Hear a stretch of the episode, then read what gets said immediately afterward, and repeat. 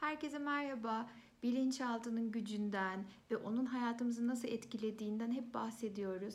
Ben de bugün aslında hayatımda yıllar önce söylediğim şeyleri dönüp baktığımda ve gerçekten nasıl gerçek olduğunu öğrendiğimde büyük şoklar yaşadım ve artık söylediklerime gerçekten ama gerçekten çok dikkat ediyorum.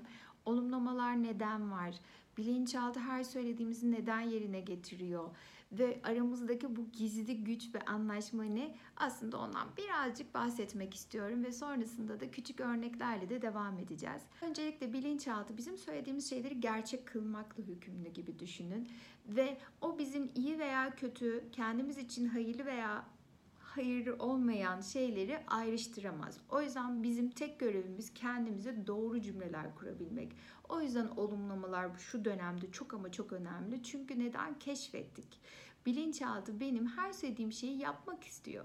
O yüzden ben de kendime kurduğum veya hayatımla ilgili kurduğum her şeye çok ama çok dikkat etmeliyim. Çünkü o benim taleplerimi, hayatımı nasıl etkileyeceğini önemsemez. Onun tek bildiği bir şey var. Pınar ne derse ben onu bir şekilde yapmalıyım. Zamanı bir şekilde uyarlıyor ve gerçek kılıyor.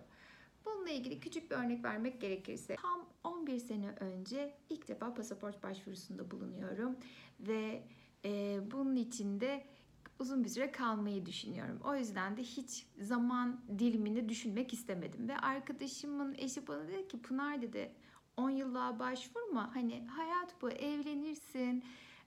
işte pasaportunu yeniden değiştirmen gerekir. Soy ismi olayı var. Bence mümkün olduğu kadar kısa tut. Ve ben de ona esprisine dedim ki ben de o zaman 10 yıl sonra evlenirim dedim. Ve onun üzerine zaten e, pasaportuma gerçekten de 10 yıllık başvurdum. Ve yurt dışına çıktım. Sonra tabii ki de bir sene sonra koşa koşa ülkeme geri döndüm. E, güzel bir deneyim yaşadığımı düşünüyorum. Neyse bunca zaman geçti gitti. Ben hiç pasaportumun tarihine vesairesine falan bakmadım. Neyse zaman geldi. 19 Haziran 2021'de ben evlendim tabii. Ondan sonra eşim dedi ki yurt dışına küçük bir çıkalım mı? Ben de olur dedim ama dur bir pasaportumun tarihine bakayım. Ve gerçekten çok ama çok şaşırdım. Pasaportumun e, tarihi ben evlenmeden 3 gün önce bitmiş arkadaşlar.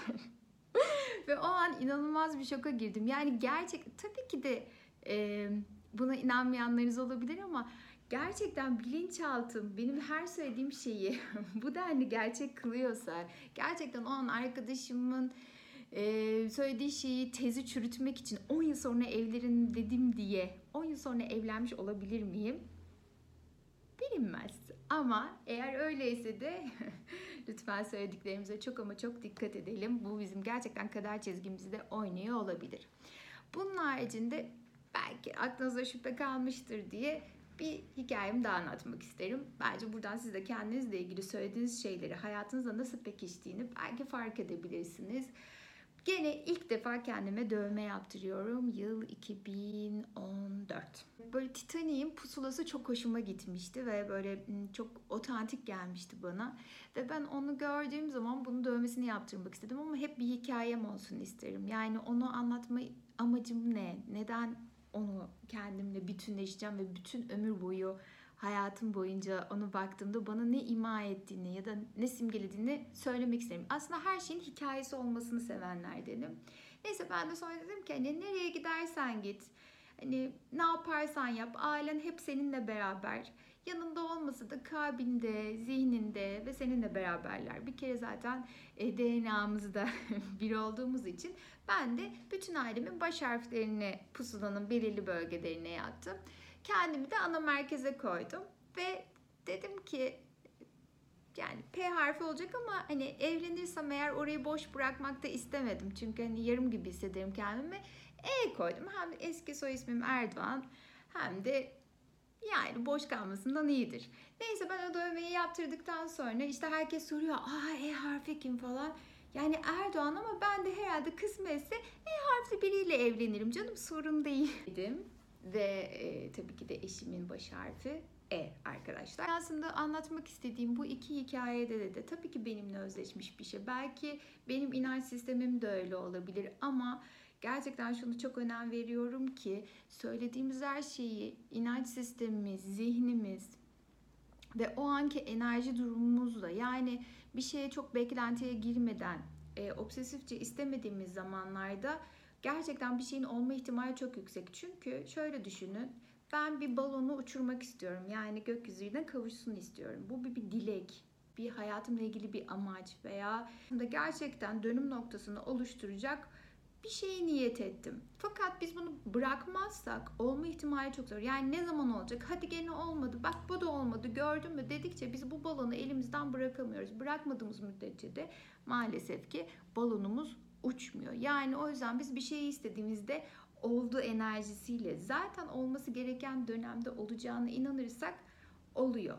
Aslında siz canınız kek yapmak istiyor. Fakat evde hiçbir şekilde malzeme yok. Önce nasıl bir kek yapmak istediğinize ya da neyi canınızın istediğine odaklanmalısınız. Ardından markete gidip ihtiyacınız olan malzemeleri alıyorsunuz. Sonra evinize geri dönüyorsunuz. Sonra onları bir güzel harmanlıyorsunuz. Sonra fırına atıyorsunuz ve onun pişmesini bekliyorsunuz. Çıkarttıktan sonra birazcık soğup yerleşmesini bekliyorsunuz ve sonra afiyetle yiyorsunuz. Yani istediğimiz şeylerin de oluşumu, onun e, yerine getirilmesi, ardından onun pişmesi, dinlenmesini beklememiz gerekiyor. Yani bir şey aslında olmadığından değil de olma süresi istediğimiz şeye göre değişkenlik gösteriyor. Zaten hayatımızda bazen bazı şeyler çok hızlı oluyor. Demek ki bizim dolabımızda malzememiz hazırda vardı ve onu bir araya getirmemiz daha kolay olmuş olabilir. İstediğimiz şeyler gerçek olmuyor değil. Sadece belirli bir zamanlaması ve olması gereken bir süreci var demektir.